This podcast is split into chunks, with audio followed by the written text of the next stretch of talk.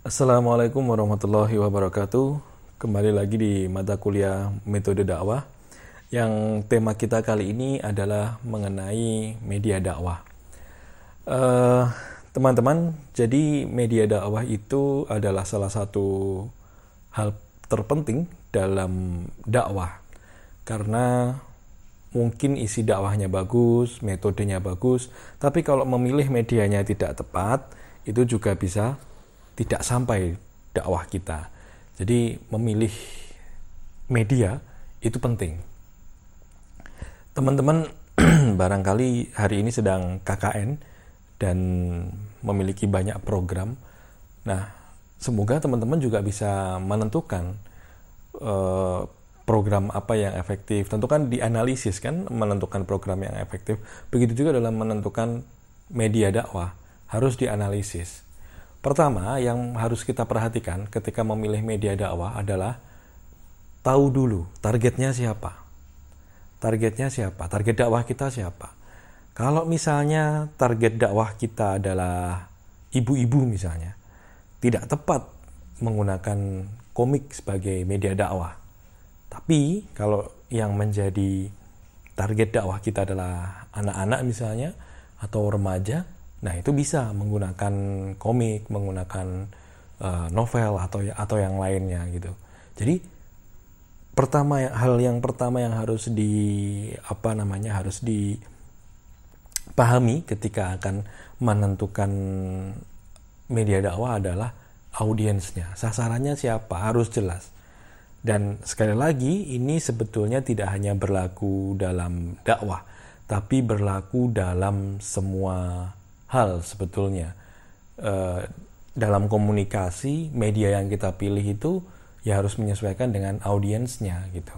Kita ingin menyampaikan kita ingin kampanye nih misalnya ya ini kan lagi musim pilkada misalnya ya. kita ingin kampanye gitu. Kepada misalkan sasaran kita siapa? Pemilih pemula anak-anak yang baru memilih untuk pertama kali usia SMA misalnya. Tapi kita pakai media kampanyenya turun ke jalan, belayer-belayer motor misalnya. Bagi anak muda, eh, pemilih pemula usia 18-19 itu boleh jadi tidak terlalu tepat, tidak terlalu simpatik.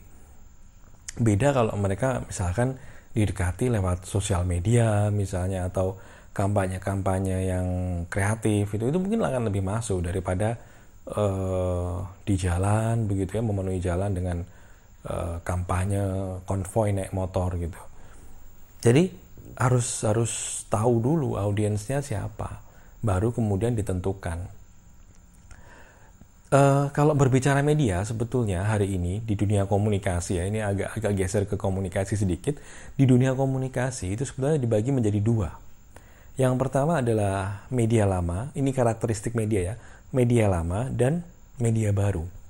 Apa itu media lama? Media lama itu ya media seperti televisi, koran, buku, majalah gitu. Sedangkan yang disebut media baru atau new media itu merujuk kepada internet dan segala turunannya. Internet ini juga uh, apa namanya? turunannya macam-macam kan. Ada medsos, ada apa namanya? Uh, webpage, uh, ada juga yang berbasis audio visual, ada yang juga hanya berbasis audio gitu ya. Jadi macam-macam uh, apa namanya karakteristik dari new media. Tapi pada intinya dia internet, basisnya internet. Apa ciri internet? Ciri internet itu borderless, timeless, tanpa batasan ruang dan tanpa batasan waktu gitu. Jadi sewaktu-waktu mau mendengarkan podcast atau sewaktu-waktu mau nonton video di YouTube itu bisa gitu. Jadi itu ya e, ciri dari media baru gitu. Dan sebetulnya media baru juga memiliki ciri e, apa namanya real time. Jadi misalkan ada ada istilah streaming kan. Jadi misalkan e, ada yang live di YouTube gitu atau di Instagram gitu kita bisa mengikuti real time saat itu juga gitu meskipun dia posisinya di Amerika gitu di Amerika malam di Indonesia pagi misalnya tapi ketika dia apa live di YouTube atau live di Instagram, kita bisa mengikuti. Itulah internet, real time. Televisi ya mungkin bisa real time, uh, tapi tidak seluruhnya kan. Ada juga yang tapping misalnya. Sinetron sinetron itu tapping. Berita ya real time itu tidak terlalu banyak gitu. Kecuali televisi berita ya. Lalu eh, internet juga memungkinkan kita untuk menjadi egaliter. Di internet itu sangat cair sekali karakteristiknya sangat cair sekali. Tidak seperti apa namanya uh, televisi. Yang bisa masuk televisi hanya orang-orang tertentu. Orang-orang daerah misalnya uh, apa namanya dia akan akan kesulitan untuk bisa menembus televisi. Kalau dia tidak punya apa tidak punya sesuatu yang layak untuk ditampilkan di televisi sesuatu yang menjual begitu ya. Tapi di masa internet ini di masa digital ini di era digital saya menyebutnya apa ya? Revolusi media terjadi gitu. Artinya coba lihat orang-orang sekarang dari berbagai daerah itu bisa membuat channelnya sendiri gitu. Nah ini ini ini menariknya. Uh, kita akhirnya memiliki lebih banyak channel. Di YouTube itu kan channel sebetulnya. Di televisi mungkin terbatas kecuali TV kabel ya. Tapi kalau kita TV di rumah itu televisi pada umumnya yang pakai antena itu itu channelnya terbatas dan mungkin tidak semuanya bagus ada juga acara yang ya boleh jadi apa maaf kata sampah gitu misalnya acara-acara sampah itu banyak di televisi.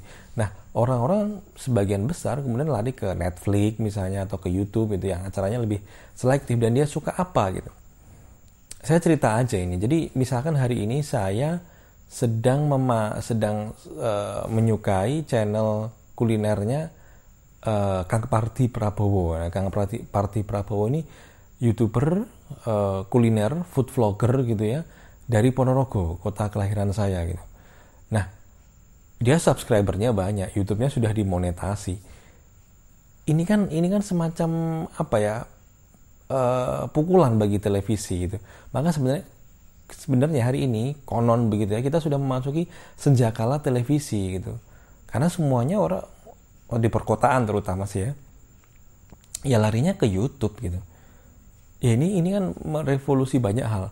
Orang dari kampung begitu yang uh, from nothing gitu misalkan ya dari nol gitu dia bisa mendapatkan banyak subscriber dan kebanyakan subscribernya itu justru TKW TKW yang kangen kuliner Ponorogo gitu. Dan kemudian itu dia bisa saksikan di channel YouTube-nya Kang Party yang di televisi itu nggak ada tapi di internet di YouTube itu ada.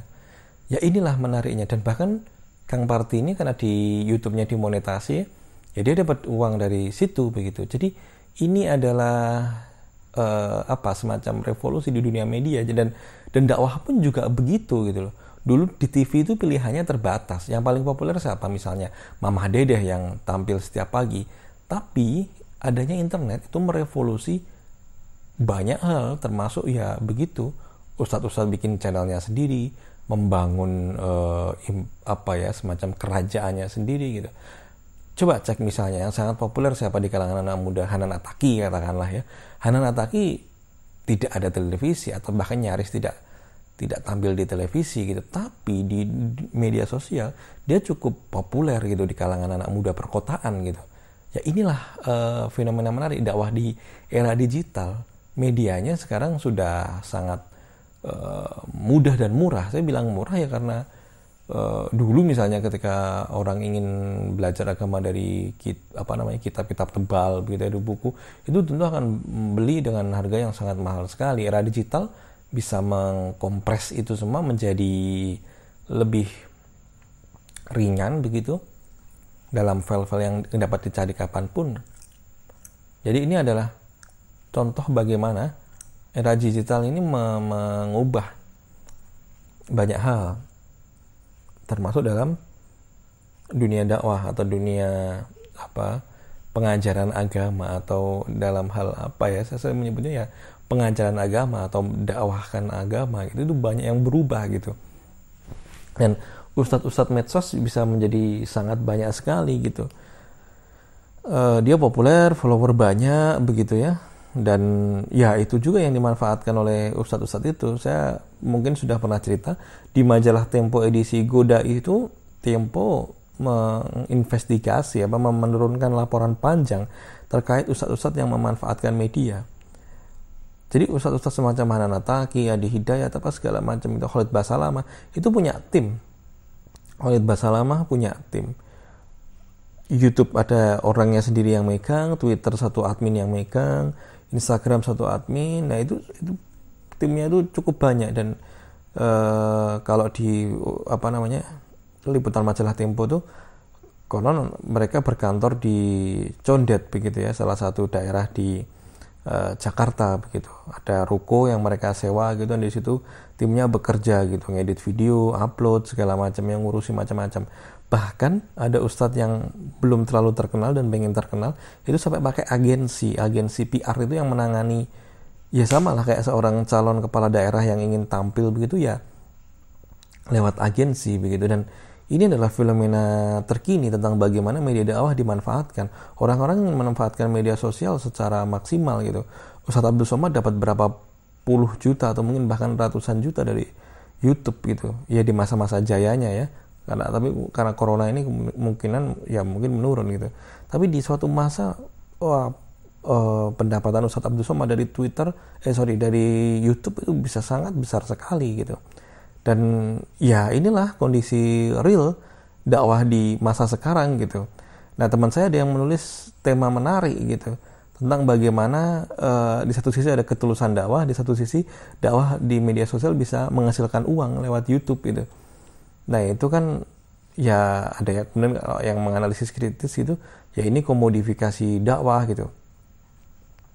Dakwah jadi semacam barang jualan. Oh, akhirnya kan dai kan kayak semacam ngejar subscriber, ngejar komen, like, share gitu kan. Hanya demi ya itu tentu demi demi ya salah satunya mungkin tentang bisa demi dakwah Islam ya, tapi juga demi AdSense, demi uang dari YouTube gitu kan. Bisa jadi begitu gitu. Yaitu dilematisnya begitu. Sisi positifnya tentu dakwah Islam tersebar ke banyak tempat, bisa dinikmati kapan pun, siapa pun, dari mana pun, begitu ya. Itu tentang media dakwah dan ya hari ini ber, terus berkembang. Saya nggak membayangkan ada apa lagi di masa mendatang ya dulu itu kan ya barangkali dakwah itu lewat buletin-buletin. Kan macam-macamnya media dakwah tuh buletin Jumat ada juga lewat radio. Kita sering mendengar ceramah-ceramah di radio. Saya nggak tahu angkatan kalian masih ngalami masih ketemu masa-masa jayanya radio nggak?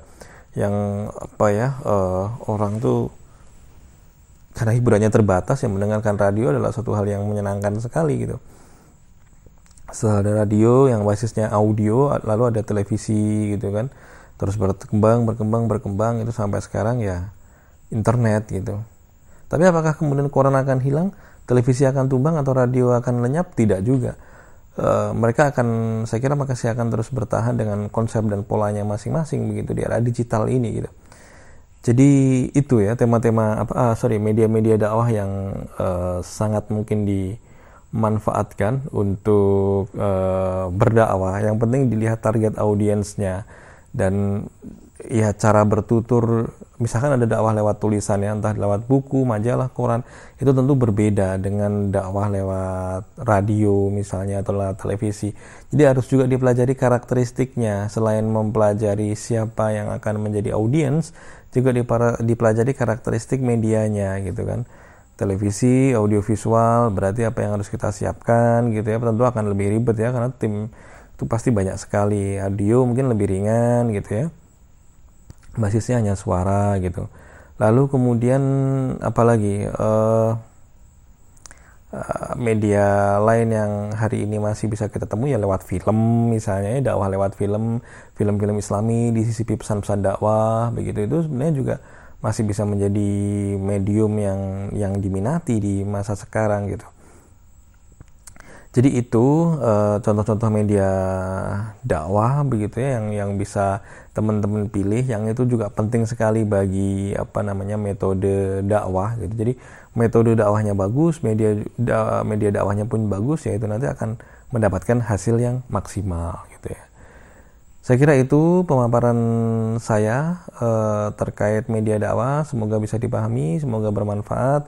Terima kasih telah menyimak sampai akhir. Akhirul kalam, Assalamualaikum warahmatullahi wabarakatuh.